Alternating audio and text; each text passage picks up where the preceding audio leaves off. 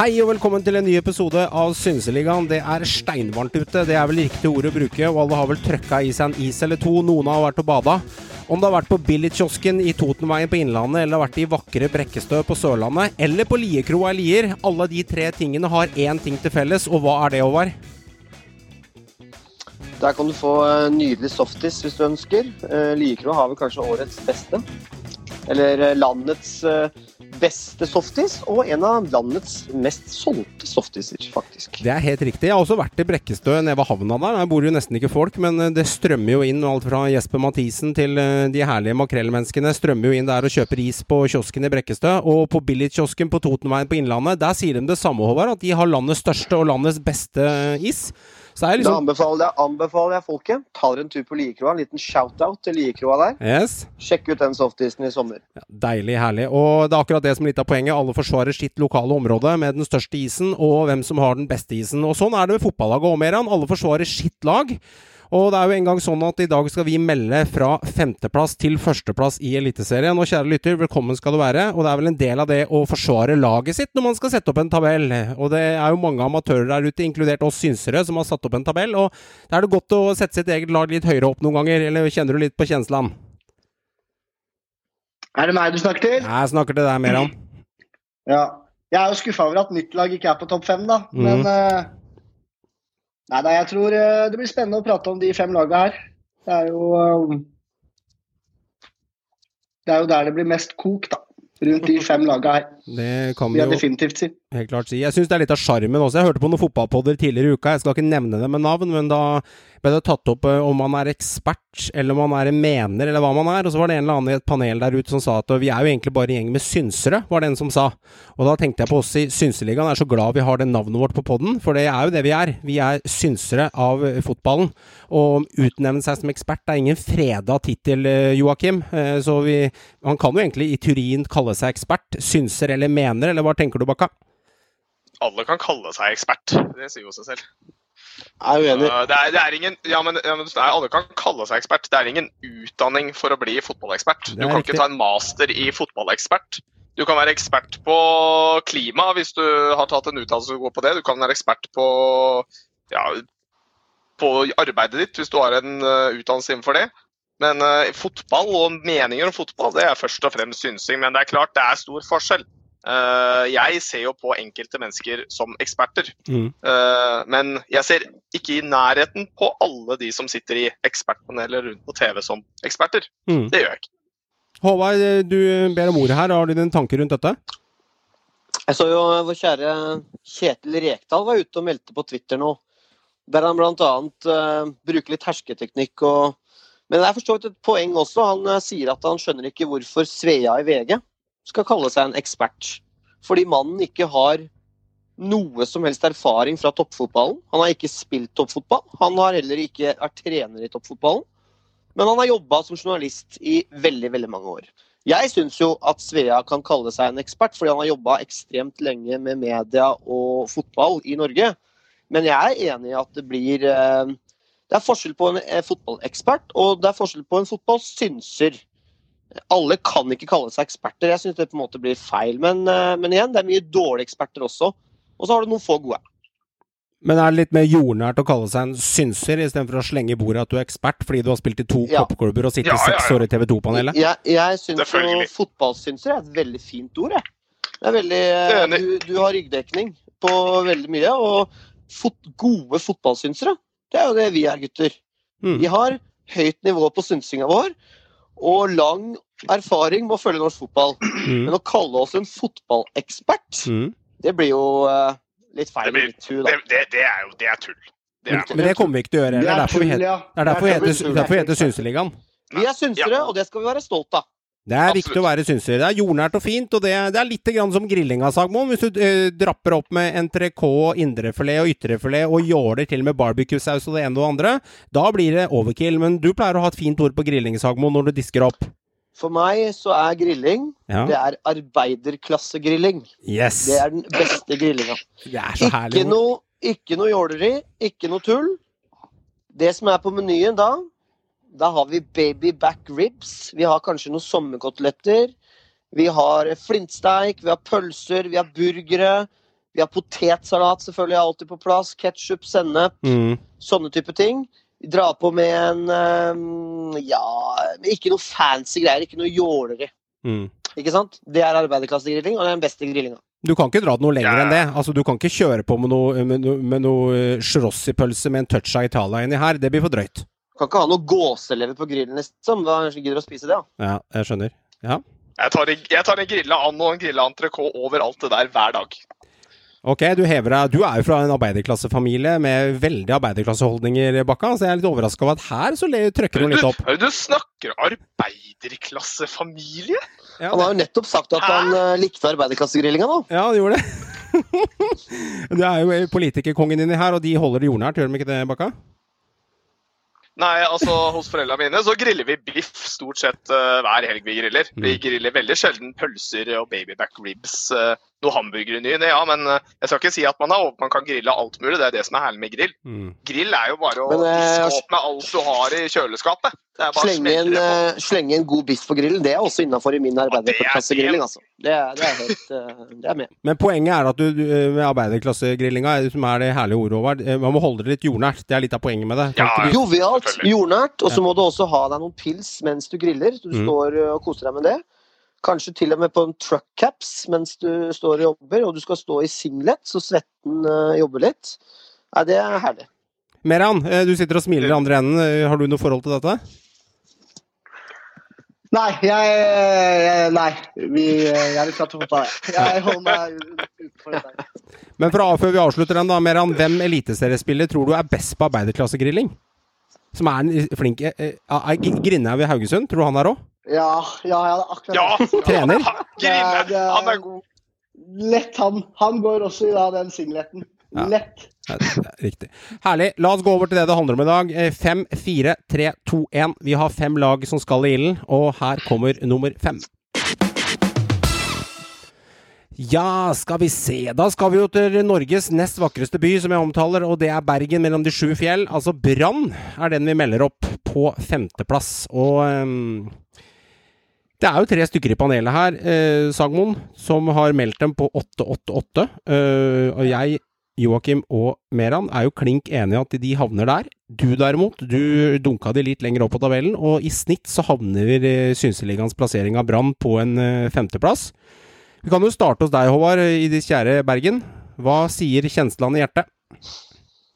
Skal muligens uh, sies at uh, jeg uh, tippa dem eh, litt eh, ekstra med hjertet i brann- brannhjertet mitt. Kanskje det var litt, eh, litt eh, høyt med en fjerdeplass. Men etter at vi har fått landa en god keeper med erfaring fra league A i Ali Amada, og vi har fått henta en forsvarssjef i Vegard Forhen, så syns jeg ikke mitt tips akkurat er noe, noe skam, skamtips lenger. Mm. Jeg, har, eh, jeg har absolutt trua på at Brann kan være med helt der oppe og slåss om en tredje- til femteplass. Det, det føler jeg meg trygg på. Fordi vi har en potensiell toppskårerkandidat i Dauda Bamba. Vi har fått inn en forsvarssjef i Vegard Forhen som kanskje trenger litt tid. Vi har også en Daniel Pedersen som går inn som anker og stabilisator, noe Brann har mangla i mange sesonger. Og så har vi også god bredde egentlig overalt. Sentrallinja til Brann er god, og også ikke minst med Ali Amada bak der, som er uortodoks, men har et meget høyt toppnivå. Så jeg, eh, jeg er spent på Brann i år. Jeg tror at med flyt så kan vi, eh, kan vi kjempe der oppe. Mm. Baka, hva tenker du, Joakim? Eh, nei, altså du kan si sånn at nå litt, uh, lener jeg litt på det Håvard sa nå, da. Og jeg er jo egentlig, på, egentlig litt enig med han i at jeg, det femteplassplasseringen nå virker mer sannsynlig enn den gjorde når vi foretok uh, våre antakelser. Mm. Uh, spesielt å få inn Forren bak der som en eh, ny midtstopper, som var jo kanskje hovedsak nummer én som vi snakket om veldig tidlig i år, når vi begynte med disse podkastene her. At VAR kunne bli et problem. Eh, etter at eh, gode, gode Vito, Vito, Vito. Vito Vito forsvant. Mm. Uh, og lag, Laget til Brann er altså Spiller for spiller så er det egentlig ingenting som tilsier at Brann ikke uh, skal kunne slåss om en topp uh, fem, topp fire-plassering for den saks skyld. Hovedgrunnen kanskje til at, jeg, til at, jeg, var usikker, og fremdeles er usikker på om de havner så høyt opp, er rett og slett his, historien til Brann. Og spesielt under land. Altså, jeg, han, han, har fremdeles til gode å gi meg en sesong hvor han får uh, det maksimale ut av spillerne sine. Altså, jeg jeg syns ikke Brann-spillerne er alltid bedre enn de klarer å vise på banen hver eneste sesong. Det har vært de siste tre-fire sesongene. De liksom har aldri klart å, å liksom få fungere ordentlig som et lag. Og Får han til det i år, så ja, helt fair. Uh, topp fire, topp fem er helt innafor, men jeg er usikker på om han klarer å få det til. Etter at eh, Brann rykka opp under LAN, så har Brann hatt egentlig en annenhver god og mindre god sesong.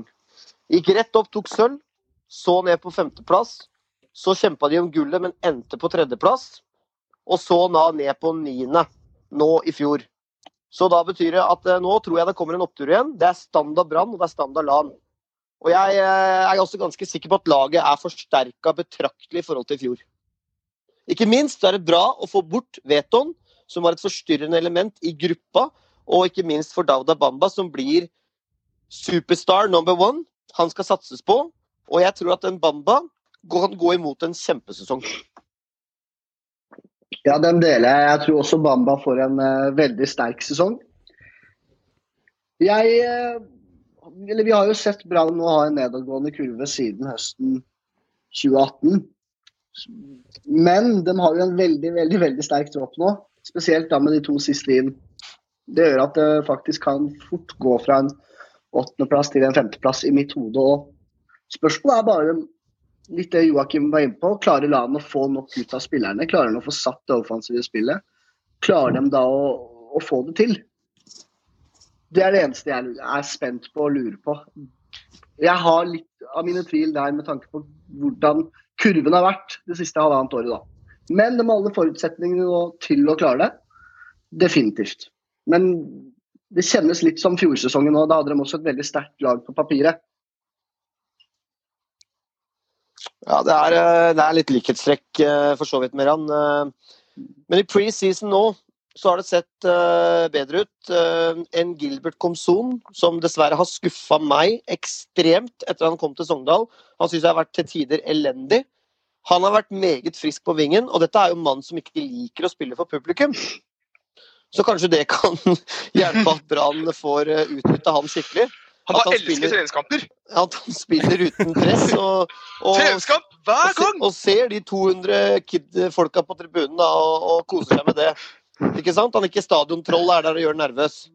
Og så har vi en Robert, Robert Taylor også, som har kommet fin i, fint inn i, i troppen. Jeg, jeg, er spent på den trioen framme. De har vært giftige i treningskampene nå.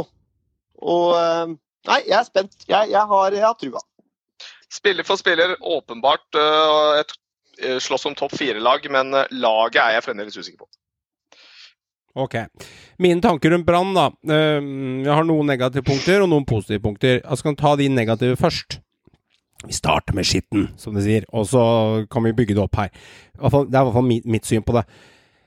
Ja, vi får en for en. Altså, det er, for en klassespiller. Uh, en meget, meget god spiller med en veldig god fot. God til å trene om. Han kan finne Pedersen ekstremt mye i midten, uh, som gjør at Brann har et ekstra våpen der. Og han har den beste venstrefoten av midtstopperen i Norge, altså mest spillende midtstopperen. Han ligner litt på Erik Hoftun i gamle dager for Rosenborg, ved å tre gjennom ledd fra forsvaret opp. Kjempesignering, mener jeg. Synd det gikk som det gikk i Molde med han, men Brann plukka det opp, og det var fint. Men det er jo en erstatter der for Vito, så de får jo ikke inn en spiller som er så fryktelig mye bedre enn det Vito Wormgård var i fjor. For Vito Wormgård var strålende, og han er strålende. Så eh, man bytter egentlig bare drops mot drops. Ruben uh, Yttergård Jensen har gått ut der, og så får du Pedersen inn. Ja, de har bytta der òg, og så får du det med Bamba som får ro på seg, som Håvard er inne på, siden Berisha har gått ut. Men du mister også litt målpoeng i Berisha. Så jeg er litt sånn litt bob-bob om de er så fryktelig mye bedre forsterka eller ei. Jeg, jeg, vet ikke om det er det. Men det som taler for at jeg tror at Brann kanskje karrer til seg denne femteplassen da, og heller litt opp på tabellen, jeg er enig i Synseligaens tips, er det sentralrekka til Brann. Altså midtstopper for én, Pedersen kaptein i midten. Eh, Haugen spilte en, egentlig en en tredjedel sesong i fjor, var egentlig helt borte i 2019. Han i, i offensivt ledd, og så har du Bamba på toppen til slutt. Så midtlinja, altså sentrallinja til Brann, er en av ligaens sterkeste på papiret, hvis ikke de får skader. Ankepunkt igjen er at jeg syns ikke de har den råeste vingdekninga og råeste backdekninga. Det er ikke sånn at jeg blir griseskremt av de vingene Brann har. De er ok pluss, men de er ikke i nærheten av f.eks. Molde eller Rosenborg Men det er grunnen til at de kanskje fortjener en femteplass også, og holder seg der. Så det er litt, litt usikkerheter, men jeg er faktisk litt mer positiv til Brann. For jeg, jeg, ser at det er litt muligheter i det laget. Og hvis de får en knallsesong, og alt går dems vei, og de klarer å holde det skadefritt, og la han ha tillit, så kan de. De kan ta medalje. Men da skal ting gå hele veien. Mm. Ja, så da er ikke Synseligaens tips uh, kanskje så gærent. Kanskje Nei. vi til og med har bomma litt på noen plasser uh, for langt ned. Ja. Men uh, jeg er også litt uh, bekymra for vingdekninga. Jeg er mm. enig i det. Det er, et, det er, et, ankepunkt.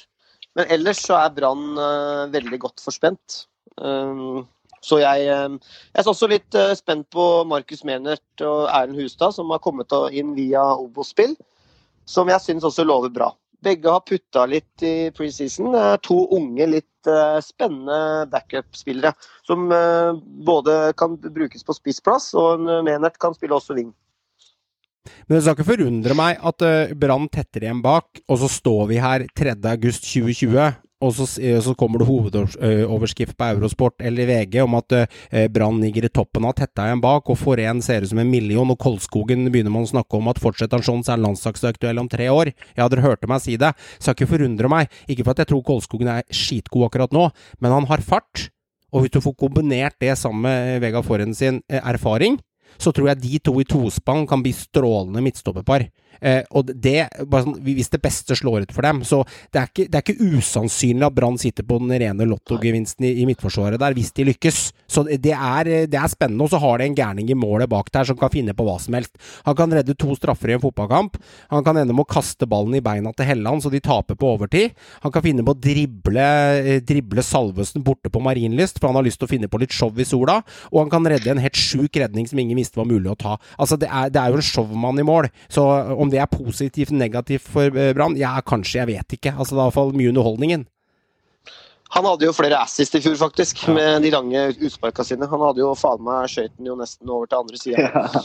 Så han, han er uortodoks og er en showman, som du sier, i, i, i mål. Jeg er veldig spent på Amada. Er, gutten er jo ikke gammel heller. Han bare fikk en han tok et fryktig valg med Tyrkia-klubben sin og fikk et mareritt der borte og spilte ikke fotball på nesten et år.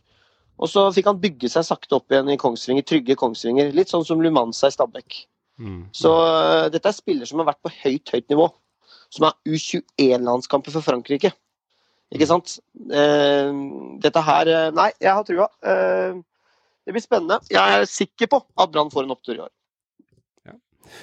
Spennende, spennende. Yes, er vi ferdig med Brann? Er det noen som har noen andre innspill der på den femteplassen, gutter? Eller skal vi bevege oss videre til four?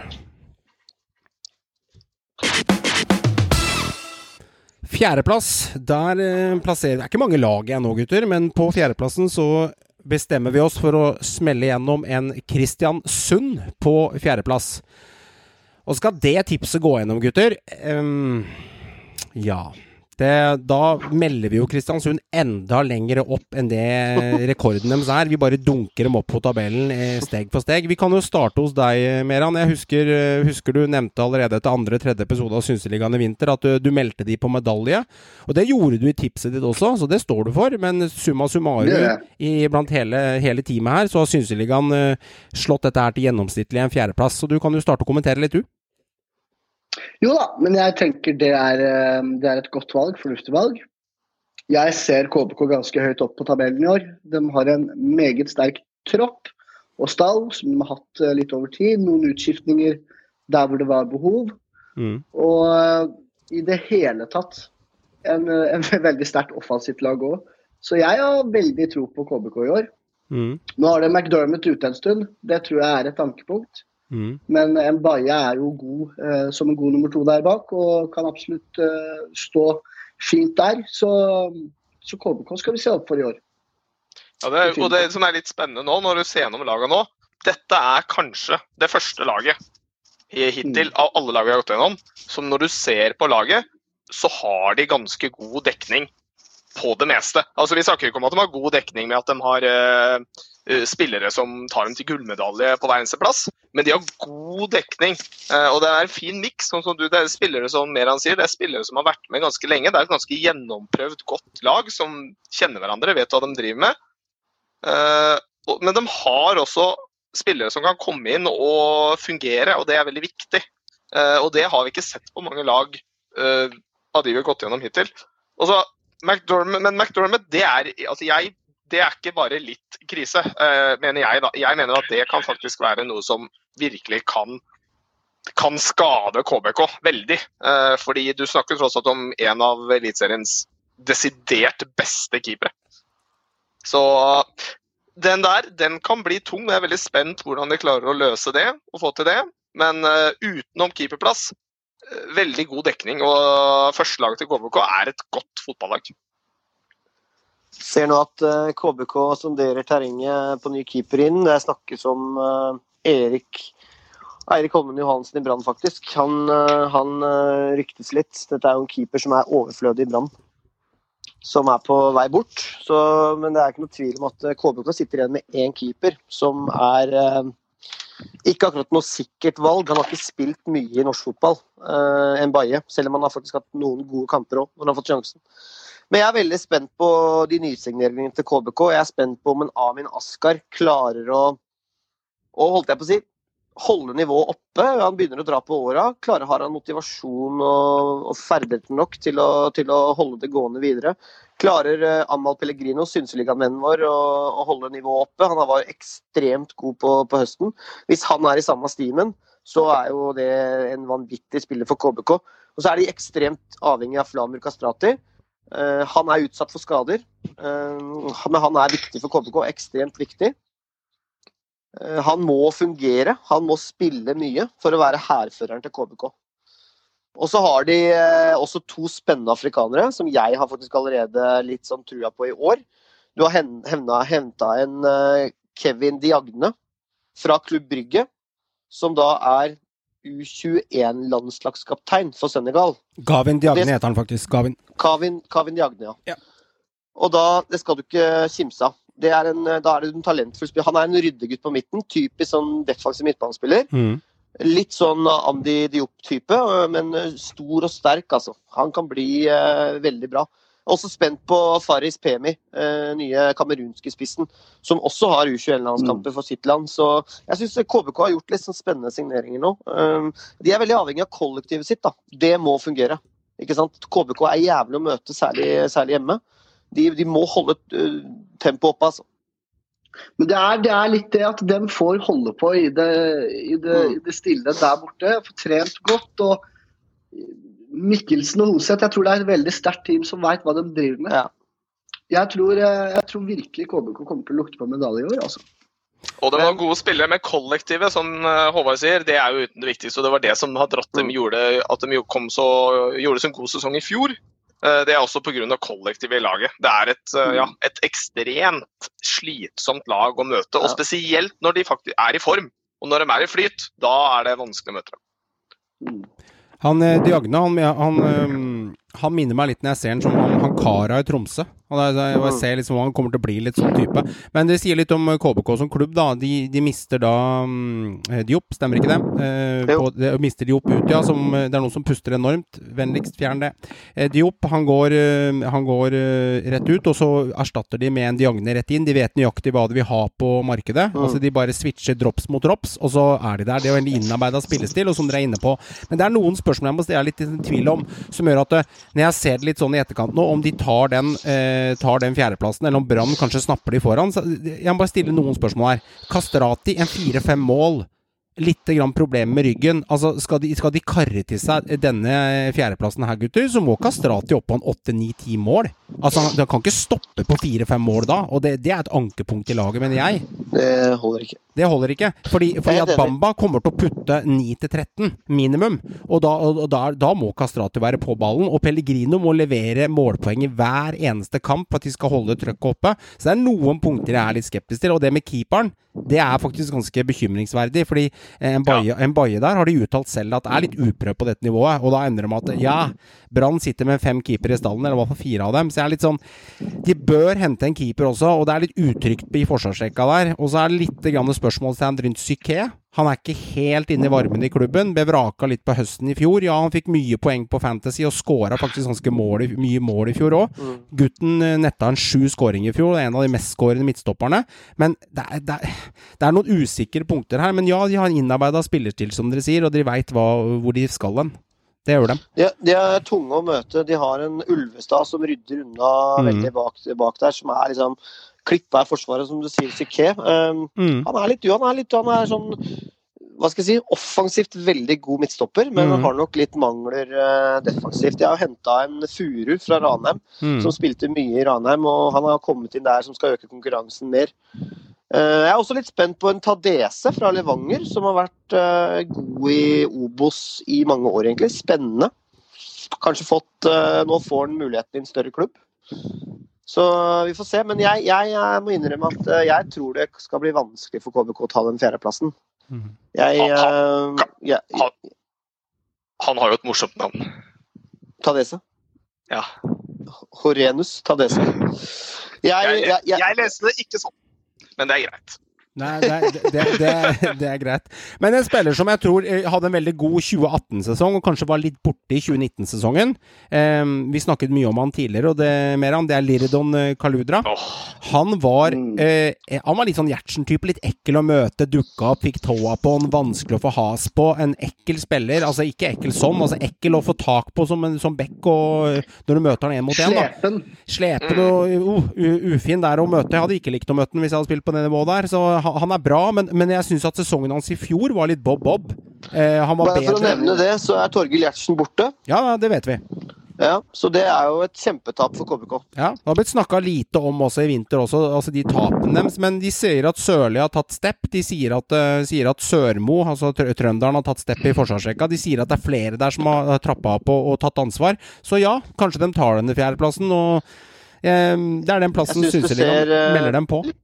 Litt tynt ut bak Mm. Flamur. Da må en uh, Faris Pemi Ja. han, må, han, må, han, må, han er veldig uprøvd og ung på dette nivået her. Mm. Er litt tynt bak uh, Kastrati, altså. En, kanskje en, eh, en Pellegrino eller en Amin Askar kanskje blir vurdert der, men uh, ja, jeg syns det ser eh, Det, det er spørsmålstegn her. Det er det, Det er men, men det er det egentlig spørsmålstegn mot mange altså. klubber, da. Ja, absolutt. Hva sa du mer om? Beklager. Nei, det er nok, det er nok Ferry de tenker hvis da Flamy må ut med skade eller får problemer med ryggen igjen, så er det nok, tenker de at Ferry skal steppe inn der og, og dyrke han. Og Det er jo veldig smart at de henta inn en ekstra spiss der til Mm. nettopp det. Så jeg tror det maskineriet KBK er, vil bare fortsette å rulle og, og gå som det er.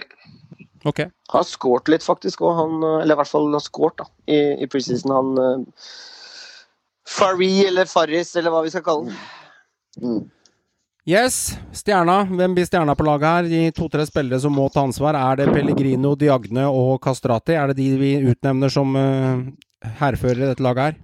Kastrati er jo vel på de Ja. Ulvestad. er Ulvestad. Ja, altså han, ja, Men eh, de må levere, ja. Pellegrino og Kastrati må levere.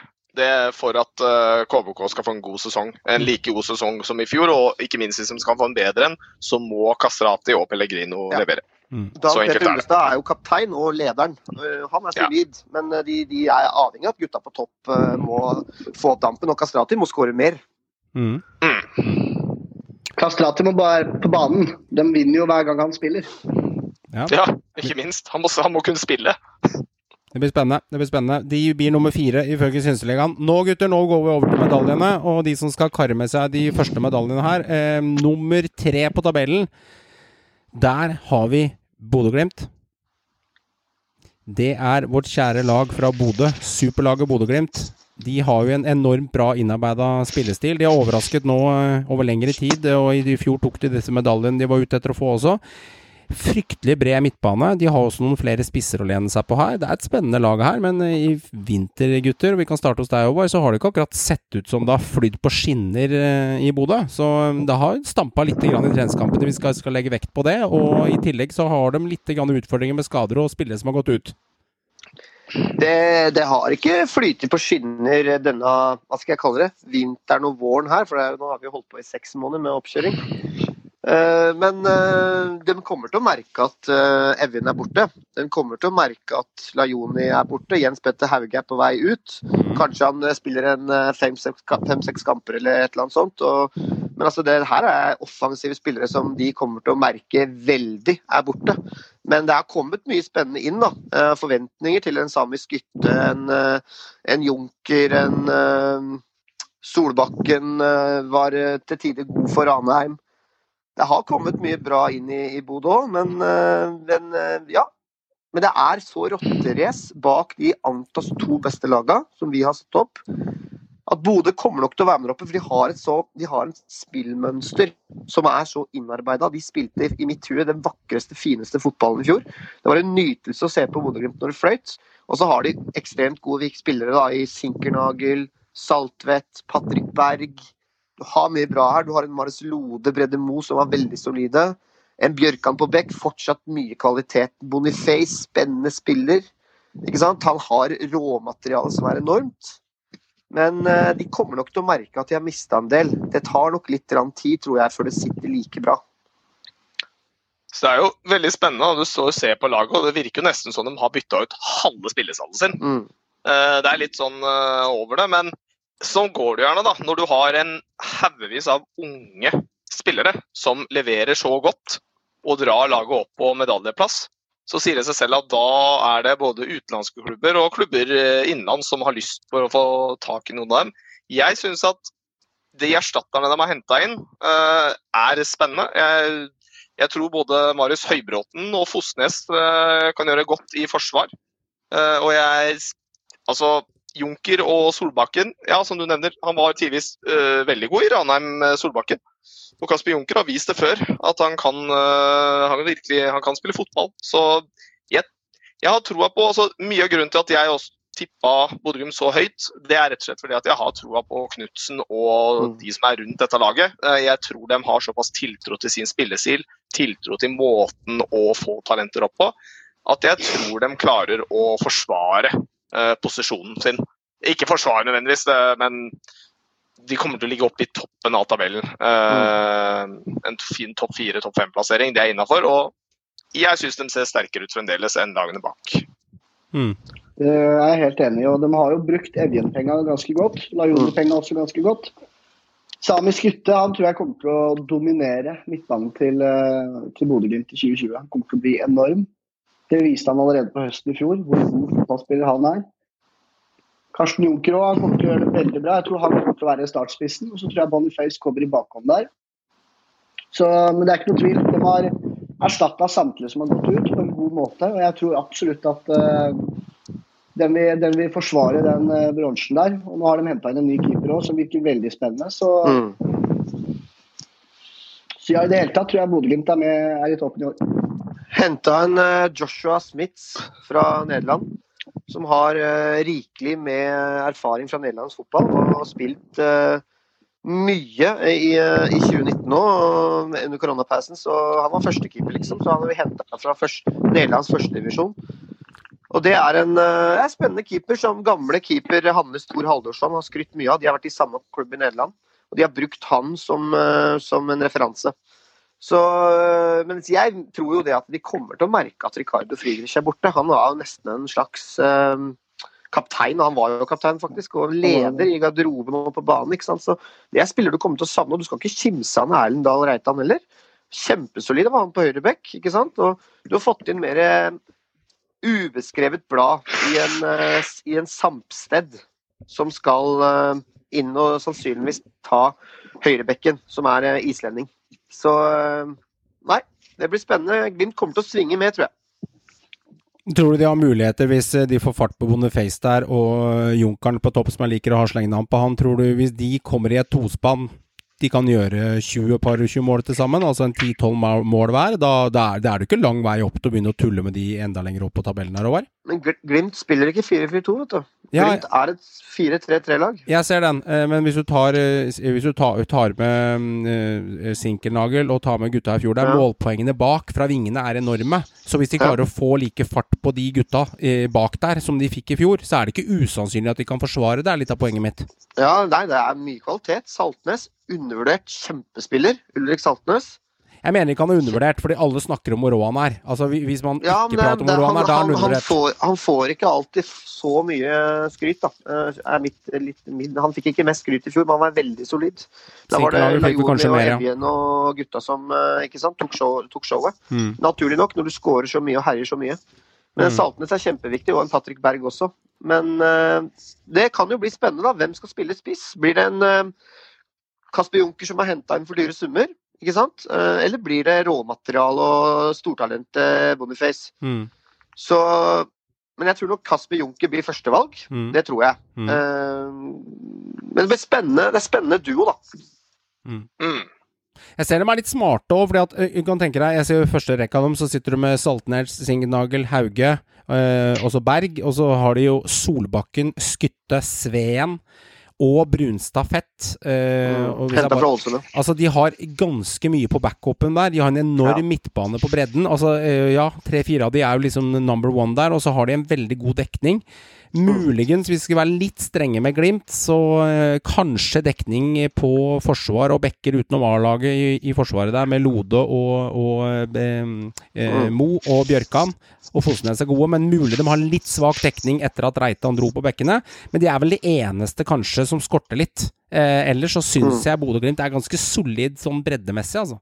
De er Det er vel, det. høy, det er vel, det er vel egentlig, egentlig bare høyrebekken som er litt spørsmålstegn, for han veit ikke så mye om. Ja, da Høybråten kan ta den rollen i- til nøds, i tillegg til Nei, det er- midtstopper. det er- det er nok- Ah, Høy, høy, nei. Høybråten er stopper. Ja, men han- har jo noen kamper på, på høyrebekk til Jo. nøds. Jo men, men det er Sampsted, og Ja. det er eh, Fosnes som skal kjempe om den. Mm, ja, jeg ser det. Ja. Så ja. Da går vi over til lag nummer én og to på tabellen. Det her eh, var jo et bikkjerace, vi kan starte med å si det. Her er det to i panelet som har meldt eh, Molde. Her er det to i panelet som har meldt eh, Rosenborg. Så eh, vi landa jo her på 50-50, og så skal vi ikke utdype eller kaste noen foran eller under den bussen her åssen dette her blei på hvem som er nummer én eller nummer to. Men etter at vi hadde diskutert, nesten sendt inn brev til Erna, fått et brev tilbake igjen, og i tillegg ringt klubbene en gang og en gang til, og til slutt hadde vi satt oss ned i sånn synseråd og dømt, og til slutt var det nesten loddtrekning som avgjorde hva det ble til.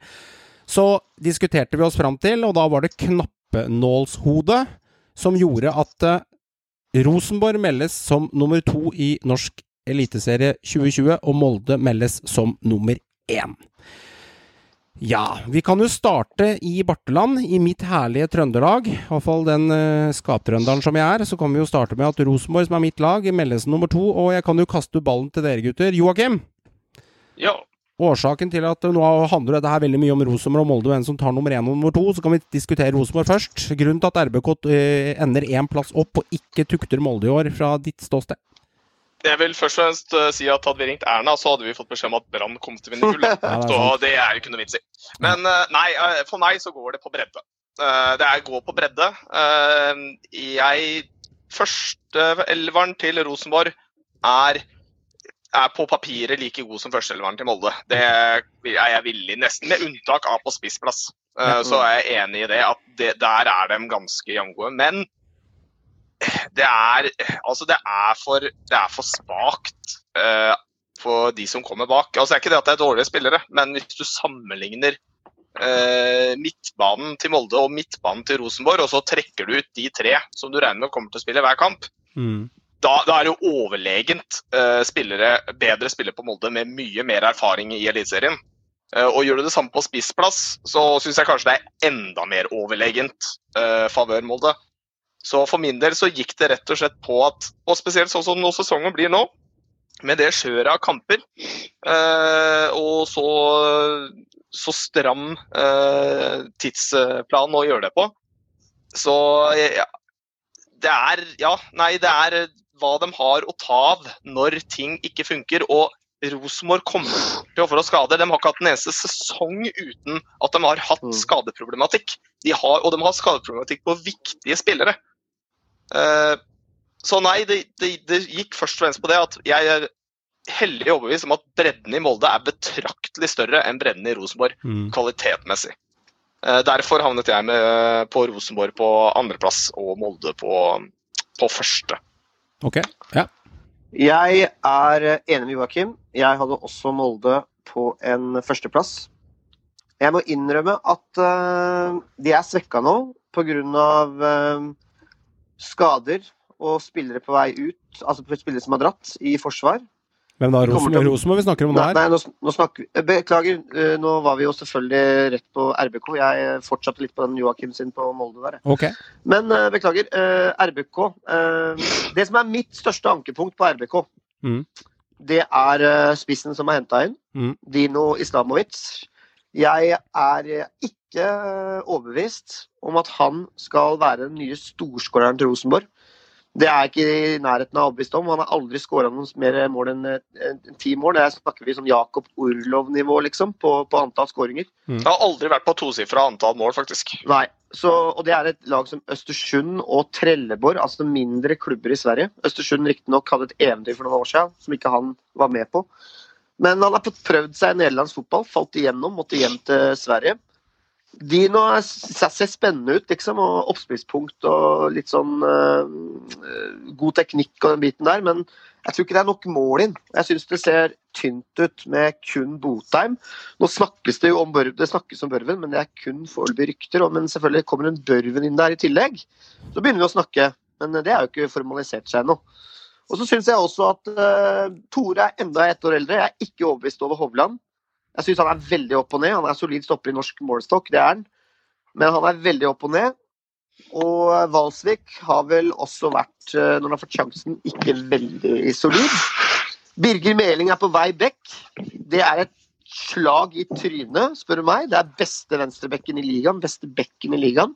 Nå skal de omskolere en Tronsen, eller snakkes om en svenske inn fra Djurgården. Jeg syns Rosenborg eh, ser litt tynne ut bak også. også. Ok. Meran, hva tenker du? Ja.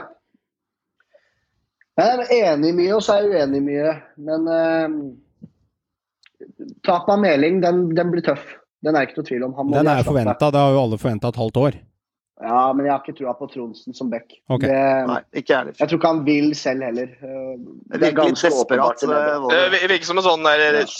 drittløsning fordi du ikke hadde klart å finne en annen enn som passer inn.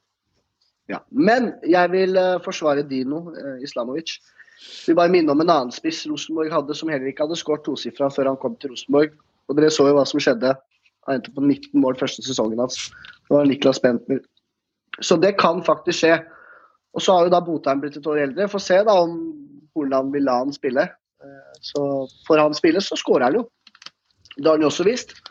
Men generelt det Rosenborg har gjort da, siden fjoråret, er at de har rydda opp og renska opp i mye ræl i den, eh, i den troppen, som var litt på hell også. Så har de fått inn Doff, eh, Sakariassen, unnskyld. De har fått inn eh, Dahl Reitan. Og da Carlo Holse, men ikke minst da Siljan som kommer tilbake òg. Så jeg tror det laget her er eh, godt rusta til å faktisk eh, klare gull, da, som jeg har tippa dem på. Men at, eh, det, at de klarer å klatre fra i fjor, det tror jeg. Det er ikke noe tvil om at Kristoffer Sakariassen er en av årets signeringer. Han er en klassespiller. Kommer til å heve Rosenborg betraktelig. Og en Siljan også, som spiller fast i Bundesliga nå, kommer inn der. Det, det blir knallbra. Og så er en, eh, en Marius Lundebo er vel på vei bort, ryktes det Apoel. Eh, Da har du også en Konradsen som er ute med skade. Jeg er litt eh, spent på vingene til RBK, fordi at er, der er det mye skader. Helland og Adegbenro. Alltid skader. Og da er jeg litt usikker på en Holse og en Seid, men Seid har jeg trua på. Jeg syns han er veldig spennende. Eh, veldig spennende. Og du har en Tagseth du bak der som kan spille midtbane. Du, du har bra dekning i RBK. Det er ikke noe tvil om det. Du har også ligaens beste keeper. Det er ikke noe tvil om at dette laget her de kommer til å være med helt der oppe, men jeg tror det akkurat ikke holder. Jeg tror det blir, uh, blir sølv. Eh, Jeg syns at Molde også offensivt har større bredde. Men uh, ja. Mm. Ja. Det hører hva dere sier. Jeg er jo ikke helt enig med dere, men det, det er fint, det. Vi, vi, vi, å være RBK skal være Vi, under vi, vi regna ikke med noe annet. Nei, altså Som Rosenborg-supporter så går du alltid for nummer én. Det er jo ingen diskusjon noe annet. Hvis ikke, jeg tror ikke jeg har tippa Rosenborg eh, under nummer én noen gang. Jeg. Så jeg tror jeg, det skal mye til å skje. Altså. Men uh, la oss si det blir en andreplass på Rosenborg ut fra Synseligaens tips. Men Forsvaret er jeg ikke helt enig i. Eh, Jeg ser jo at Tronsen kan bli bra på venstre. Jeg ser jo også at de har eh, Reitan og Hedenstad på høyrebekken som fine erstattere. Og altså Hovland altså ja, Han hadde noen eh, flauser i fjor, det er ikke dermed sagt han kommer til å gjøre disse flausene i år. Han er en eh, habil, bra spiller, og Tore Ginussen han, det tror jeg kommer til å gå veldig veldig fint. Og de har en Augstinsson som de ser på fra Sverige, og en annen svenske de ser på. Så jeg tror Rosenborg kommer til å handle venstreback før vinduet er over. Og det viser dem at de er ganske på ballen med Mikkel Dorsin. De har de to beste signeringene i vinter. De har Zakariassen og Siljan. Altså Siljan spiller fast på defensiv midtbane i tysk Bundesliga. Altså det er kapteinsmateriale i tysk Bundesliga. At han kommer hjem, er jo nesten en gave i seg selv. Han kommer til å dominere norsk eliteserie. Han kommer til å herje på defensiv midtbane. så Det blir spennende å se. Det tror jeg han kommer til å gjøre. Eh, Zakariassen tåler fryktelig mye minutter på fryktelig kort tid. Rosenborg har ett våpen, som jeg tror ikke Molde har. Og du så det på høsten i fjor. Når kampprogrammet ble tett for Molde, kan vi ta det etterpå når vi kommer til dem, så måtte Eikrem stå over annenhver kamp fordi det ble for mye for beina hans. Han tålte ikke høstprogrammet i fjor for Molde, og når kampene kommer nå to ganger i uka, så må Eikrem begynne å stå over. Det må ikke Doff. Der Men hva med, men hva med Helland? ja, men Helland han spilte 900 minutter i fjor. Så hvis Rosenborg må ta Helland ut av det, og ta han som eksempel, ja, da må de det. Men de har en Adegbenro, de har en Seid. Ekstremt spennende med Seid. De har en Hotrapp Holse. Ja, han er ubeskrevet. Vet ikke hva du får fra, fra Carlo Holse, jeg er enig. Men det er, det er mye kvalitet i RBK-laget. Når Rosenborg er skadefrie, med Doff, Konradsen og Siljan, så er den trioen på midten, før vingene, Norges beste, mener jeg. Og så får de fylle på med Adegbendro og Helland. Enig Dino. Jeg er fryktelig enig i dette med Dino. Vanskelig å si om gutten stopper på 7 eller 16 mål, men jeg velger å leve i håpet, som Meran sier, da, og satse på at han eh, skårer en 15-17 mål. Men at det er usikkerhet rundt eh, Islamovic, det er det. Men Rosenborg kommer til å handle en spiss, det er bare spørsmål om tid, og det er grunnen til at jeg tror RBK tar dette gullet. Bare skyte inn der da, at det det handler om når du sier det med Wolf Eikrem, det er jo det som er det jeg tror er feil, det du Mhm. sier der. Okay. For jeg tror Doff må stå over kamper. Folk må stå over kamper nå. Det er det som er hele, poenget. Folk må gjøre som Wolf Eikrem Mm. gjorde i fjor. Man kan ikke, du kan ikke, Sakarisen kan ikke spille 29 kamper for Rosenborg i år. Det tror jeg aldri livet går. Og hvis den gjør det, så så du Sakarisen i fjor med Sarpsborg når de var i Europa. Han var ikke like god som han pleide å være når han spilte så mange kamper i uka. Han sleit på samme måte som laget sitt. Så det er feil, mener jeg. Ok. Og jeg mener at Zakariassen kommer til å måtte stå av kamper, og det er der det For jeg er helt enig med deg. Topp førsteeleveren til Rosenborg er helt på høyde, og på enkelte områder bedre enn førsteeleveren til Molde. Uten tvil. Helt enig. Okay. Men jeg deler ikke den, opp, jeg deler ikke den optimismen du har med verken med bredden deres eller med hvor mye disse spillerne her tåler. For hvis det er én ting Rosenborg ikke har hatt god erfaring med de siste åra, så er det at spillerne tåler påkjenninger og holder seg skadefrie. Det har de Mm. null god erfaring med. Så der er jeg ikke enig. Ok, Da kan jeg komme litt statistikk til deg, da, så vi kan se om vi er enige eller uenige. Den som mest, spilte mest minutter i Eliteserien i fjor, hvis du tar topp tre i Eliteserien i fjor Jeg vet det ikke var så tett kampprogram. Eh, det var Aursnes på 2690 minutter. Zakariassen på 2610 minutter. Og så er det Saltnes i Bodø-Glimt med 2599. Så de tre gutta, eh, Aursnes i Molde, Zakariassen i Sarpsborg i fjor og Saltnes i Glimt, Mhm. spilte mest minutter. Eh, tar du en Eikrem og ser på antall minutter Jeg skjønner at han var strålende på våren og sånne ting, men på høsten begynte han å slite. Tar du Så spilte han 1727 minutter og er ikke på topp 40 engang. Og på høsten i fjor så sto han over annenhver kamp, og det er fordi han fikk belastning etter Europa som Molde Men- var i. Men Molde er ikke like avhengig av Wolf Eikrem som Rosenborg kommer til å være Zakariassen. Ja, Det men, tror jeg ikke. Jo, men skal Molde ta Nei. dette gullet og holde Rosenborg bak seg, De så må tok da Eik- gullet i ja, fjor! Men, ja, ja, du, trenger ikke å Ferdig. du trenger ikke å skrike. Men skal de holde følge med RBK i år, så tror jeg Eikrem er nødt til å spille mye. Og han må legge. Men mye eh, assist. skal vi, eh, vi Har vi bevega oss over til Har vi beveget oss over Vi har vel nesten Molde? gjort det nesten naturlig over til Molde. Ja, hvis ikke vi det er dunker- noe dun- kjempespennende. Vi dunker i Ja. gang med Molde, og så ser vi på Molde fotballklubb, og de meldes som nummer én av Synseligaen. Det er herlig å være underdog som Rosenborg, og så sier vi at Molde tar dette gullet fra oss. Og Sagmoen, vi kan starte hos deg. Så Det som er eh, fordelen eh, Molde i mitt hue, det er at de har et grunnspill som veldig få andre i ligaen har. De har et possession-orientert spill. De har også et spill som du på en måte ikke blir totalt utkjørt av. For Molde har ballen veldig mye i laget. Du må ikke Det er ikke Vi snakker ikke Mjøndalen her. Rett i angrep, gampe på, liksom. De har nesten alltid ballen mest, og de spiller veldig mye fram og tilbake før de da uh, hugger til Molde. Og bredden de har, den er enorm på midtbaneangrep. Mm. La oss si Lekke James, da. Mm. Som er blant de beste spissene i ligaen. Det er ikke noe tvil om at han er det. Ja, ja. Uh, hvis han blir solgt, så har du fortsatt en OI som tar over stafettpinnen der. Ikke sant? Og på, på, vingen så tror jeg det snakka om at de har en ti alternativer ja, på, på, ving. Mm. Ja, det har de jo. Men er det, er, det en, er det, en, styrke at man har ti alternativer? Ja, for dette kampprogrammet her, okay. med to-tre kamper i uka, så er du nødt til det. Mm. Du er faktisk nødt til det, for det kommer til å bli påkjenning som de aldri før har kjent på. Mm. Det, det, gjør alle. Selv om du er så Det kommer skader, det kommer kramper, diverse ting. Det, og da, da, er det sånne lag som Molde Eh, og for så vidt også, også Rosenborg, som har breie staller, de, eh, de, eh, de, kommer til å nyte godt av det. For du, du, har også en konkurransesituasjon i Molde som er ekstrem. Folk kommer til å være jævlig på tå hev. Mm. Og det er masse unge, sultne gutter som er i sin beste alder. Molde henter ofte fra Obos. Tobias Christensen, Martin Elliksen, Fredrik Skjølstad. Og så har du fått inn en, ny, en helt ny spiller i Eirik Ulland Andersen. Som er ny. Fikk, som ikke fikk vært med på noe i fjor, som mm. har en vanvittig fot.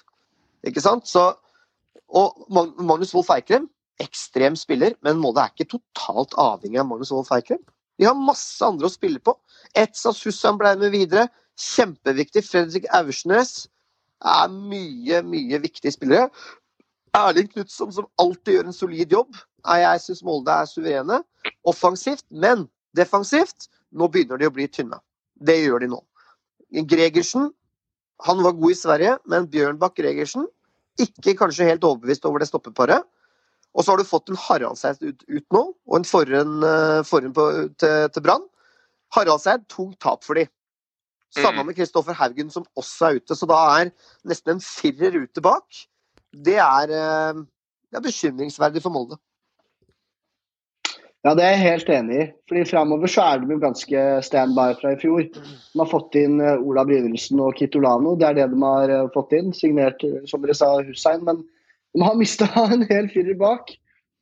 Fått inn Holmgren Pedersen fra Tromsø. Ja, men så har de mista også da ledertyper, da. I form av Gabrielsen òg, som er ekstremt ja. viktig i garderoben. Så, mm. så jeg, jeg, ser ikke hvordan de har utvikla seg noe særlig siden i fjor. Det burde hatt inn litt flere i den backfireren nå. Nå har de en litt dårlig tid før seriestart òg, så jeg er litt spent på hvordan de skal løse den kabalen. Jeg tror nok det kommer inn en uh, forsvarsspiller der, uh, men uh, ja, han, han, burde vært der nå. Han burde de, sitte på den flyplassen nå. De, de, begynner å få dårlig tid. Det var et slag i trynet med Haraldseid ut. Det er ikke noe tvil om det. Mm. Haraldseid var jo, Hvis du snakker om Meling på den ene bekken og så har du Haraldseid på den andre, så snakker du om kanskje de to Det er de to bekkene som var ja. viktigst for lagene sine i hele fjor. Det er, det er ekstremt mye målpoeng eh, i begge de spillerne. Og det er et like stort slag for Molde å miste Haraldseid som det er for Rosenborg å miste Meling. Eh, det er ikke noe tvil om. Jeg er helt enig med Forsvaret. For, forsvaret nå det begynner å bli spakt. Uh, ikke, det, er, det, er, spakt, rett og slett. Uh, men jeg tror også noe kommer inn der.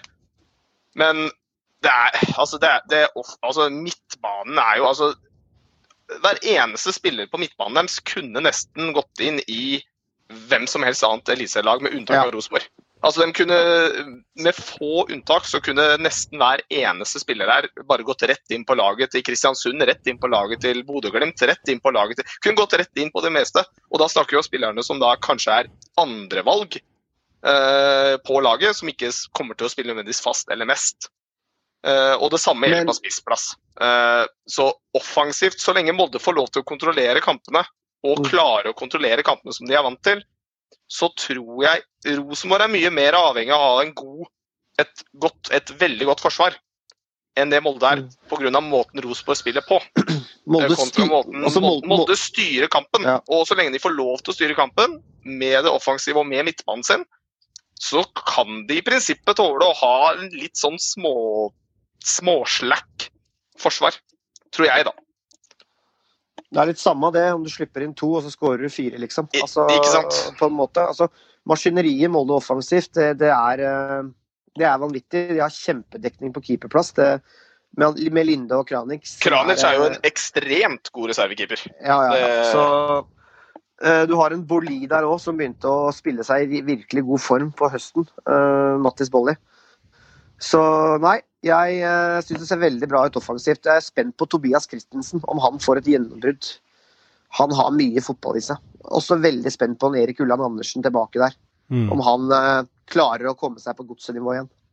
Får de ham på godsnivå i tillegg, da er det tungt å møte Altså, de, de, midtbanen. de har så dekning eh, offensivt. Ja. De har kjempedekning på midtbanen. Det er kanskje nesten for brei dekning med tanke på konkurransen i laget der. At det, det kan vippe begge veier. En trener skal være flink han for å holde alle disse menneskene på midtbanen fornøyd. For du sitter jo med en rekke her som um, Aursnes, Brynildsen, Hæstad, Ellingsen, Eikrem, Knutson, Hussein, Mostrøm, Skjølstad, Bolli, Ulland Andersen. Det er åtte ni- Christensen. Du har ti spillere der.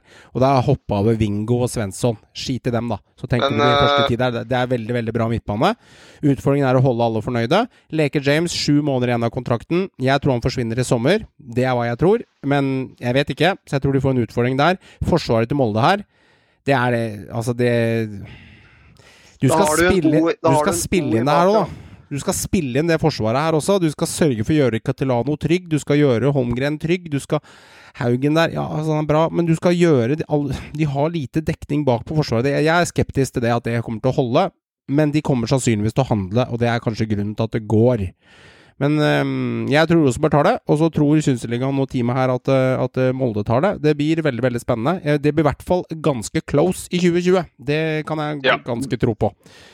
De endte jo på samme poeng på tabellen, da, så det er jo veldig close ja, ja, det her er jo krone mynt, ikke sant. Men eh, jeg syns, jeg, jeg- syns at de fikk veldig skudd i, skudd i baugen der, når de fikk både Haraldseid, Forhen og altså, de, de fikk mye på kort tid, da, det forsvaret der. Jeg tror ikke de hadde regna med det, for å si det mildt. Så mm, ja, nei, det er ikke bare å hente en solid stopper som skal gå inn i det laget der heller, eller en solid back heller. Du, du har lyst til å forsterke et lag når du handler igjen, og Molde har vel en plan kanskje om å handle noe i sommer, og satse på at dette holder fram til sommeren, eh, det forsvaret, og så kjøper de seg opp i sommer eventuelt, når vinduet kommer der. Det, det er kanskje en mulig plan de har. Mulig. Mm. Mulig. Litt skader i laget der nå, ser jeg. Jeg ser at Skjølstad og Boli, og så ser jeg også at OI er noen som vet om situasjonen til OI, hvor langt unna han er? Meniskskade? Han er ikke så langt unna. Han er ikke så langt unna. Han er i opptrening nå, begynner å komme seg. Ok. Han er ikke klar til seriestartere. Har hatt det veldig tøft da, OI. Med, det har visst vært ganske ille, men uh, han begynner å nærme seg nå. Mm, begynner å nærme seg nå. Ja, eh, når vi har gått gjennom alle disse lagene, gutter, er det noen, eh, noen dere føler nå Nå har vi jo satt tabellen, eh, og ting er jo litt satt fra oss, og vi kan jo lese hvordan det ble. Vi melder nedrykk på Sandefjord og Start. Vi melder kvalifisering på de brune i Mjøndalen. Ålesund, Sarpsborg, Stabæk, Odd, Viking. Godset ca. midt på. Så kommer Vålerenga. Haugesund, Brann på femte, Kristiansund på fjerde, Bodø-Glimt på tredje, Rosenborg på andre og Molde fotballklubb. De forsvarer tittelen og tar seriegull i 2020. Når vi ser det sånn i ettertid nå, gutter, etter vi har satt opp tabellen Nå er tabellen satt av oss, og ting er greit. Kjenner dere på noen vi kanskje skulle gjort det annerledes med? Er det noe som har snudd seg de siste ukene? Er, er det et eller annet her som føler at æh, fader heller, jeg skulle kanskje gjort et annet valg her? Vi kan starte hos deg, Håvard. Ja, jeg føler er to lag som skiller seg litt ut. Så Mm. jeg, jeg tror at uh, både Haugesund og Sarpsborg 08 jeg Mm. tror de kommer til å få gode sesonger. Uh, jeg syns at uh, Sarpsborg 08 dem, dem knuste vel eh, Start 4-0 nå. Eh, og de har, eh, de har eh, virkelig fått fart på sakene under Stare nå. Jeg syns det er mye spennende i Sarpsborg. Så det, det handler jo om å få det ut når det virkelig gjelder, da. Men jeg tror Sarpsborg får seg en opptur, og det samme tror jeg Haugesund gjør. Men Haugesund har meldt ganske høyt. Men du mener kanskje Du, du skulle ønske kanskje at hadde kjørt Sarpsborg høyere, sånn i etterkant? Ja, jeg, jeg skulle det, og kanskje også med Haugesund sånn for min egen del med tabellen. Mm. Mm. Jeg syns det er to lag som eh, fort kan overraske. Meran? Støtter den. Jeg støtter den med, med Sarpsborg, ja. Jeg støtter den. Mm. Og Stabæk òg. Jeg mener uh, vi har plassert dem helt feil. Men vi får se, da. ja. Får se. ja. Jeg er jo klokketro på min egen del at jeg kunne ikke plassert RBK noe høyere enn førsteplass. For det selvtilliten er så høy Det har vi hørt nå, Johan. Ja, det skjønner vi. Det, det skjønner vi. Og skjønner at det er litt sånn eh, tre mot én og Rosenborg-haters her. Det skal dere få lov. Vi er, vi er vant til det, vi som heier på Rosenborg, så det går bra. Nei da, jeg har faktisk forsvart deg, jeg, Krog. Ja, jeg vet, jeg vet du har forsvart Rosenborg, men det, husk på dette er en tabell. Det er, ikke, det, det er ikke sånn det kommer til å ende, så det går helt bra. Eh, det laget kanskje, som jeg syns kanskje jeg skulle meldt annerledes altså, Joakim var inne på dette med Ålesund. altså Skulle jeg meldt i etterkant nå, så kanskje ville jeg dytta Ålesund litt grann høyere. For jeg ser at de har litt poengspillere, og jeg vil kanskje ikke dytta de så langt ned. Så kanskje i etterkant så syns jeg de. Muligens også Brann for min egen del. Eh, jeg dytta den ned på en åttendeplass. Vi kjørte de inn på en femteplass totalt, så kanskje de hadde kapra plassen, Håvard, fra Kristiansund der på fjerde, hvis jeg hadde meldt dem en plassering eller to høyere. For når jeg ser sentrallinja til Brann, så syns jeg faktisk sentrallinja til Brann på midtrekka der er ganske sterk. Så mm. mulig Brann litt høyere og mulig Ålesund litt høyere hvis jeg skulle sett det i etterkant. Men dette her er synsing, og vi vet jo helt aldri helt. Jeg tenker som For min del så er det Ja, Brann er kanskje et lag også. Jeg hadde nok ikke plassert Brann på åttende nå. Det, hvis jeg har satt opp på ny, men nå havner de ikke på åttende likevel. Så du kan si plasseringa de ligger på i Synseligaen er kanskje mer korrekt enn den plasseringa jeg satte dem i første omgang. Mm. Um, og så er jeg ja, men ellers også, jeg syns det er så åpent, for å være helt ærlig. Det med Sarpsborg f.eks., ja greit, men jeg så også Sarpsborg i fjor, når de fikk mye å gjøre. Mm. Eh, da hang de ikke sammen for fem flate øre. De var tidvis Eliteserien desidert dårligste fotballag på den tida. De Mm. var så dårlige, de fikk ikke til noe som helst. Og jeg, jeg Hvis ikke de har blitt mentalt bedre skikka nå, så, så kommer de til å slite med det, med det kampprogrammet som er nå. Mm. Så jeg kan ikke helt akkurat se at de skal være, ha noe sånn voldsom fordel av det en uh, eliteserieoppsett i år. Det må jeg innrømme.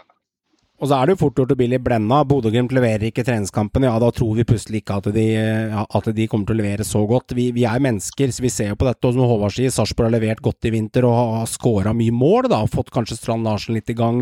Ofkir har kommet i gang. Det er flere som har kommet bra i gang i Sarp. Og da tenker man da kanskje de burde ligge høyere. Men igjen, det er treningskamper, som du sier, Joakim. Det er, det er ikke alvor ennå. Det er ikke nå penga begynner å betales ut. Det er ikke nå du skal stemple av lottokupongen din. Men klart, du bygger selvtillit for å vinne fotballkamper. da, Så dette her henger litt i hop òg. Det gjør det. Ja, Yes, bare å se på Glimt i fjor, det- de gjorde det i preseason. Det fortsatte inne i seriespill. det er riktig, det. Og det er og det er men også, det er også hele poenget òg. Det, det er så viktig hva som skjer de første fire-fem serierundene nå, Mm. tror jeg. Mm. Det kommer til å avgjøre mye for hvordan enkelte lag kommer til å levere denne sesongen. For Mm. får du en trå start nå, med det kampoppsettet som er, Mm. med så lite tid til å gå gjennom kampene, analysere, finne ut av hva som er galt, Mm. Det blir tungvint. Så jeg tror at så å si samtlige lag er egentlig avhengig av å få en god start.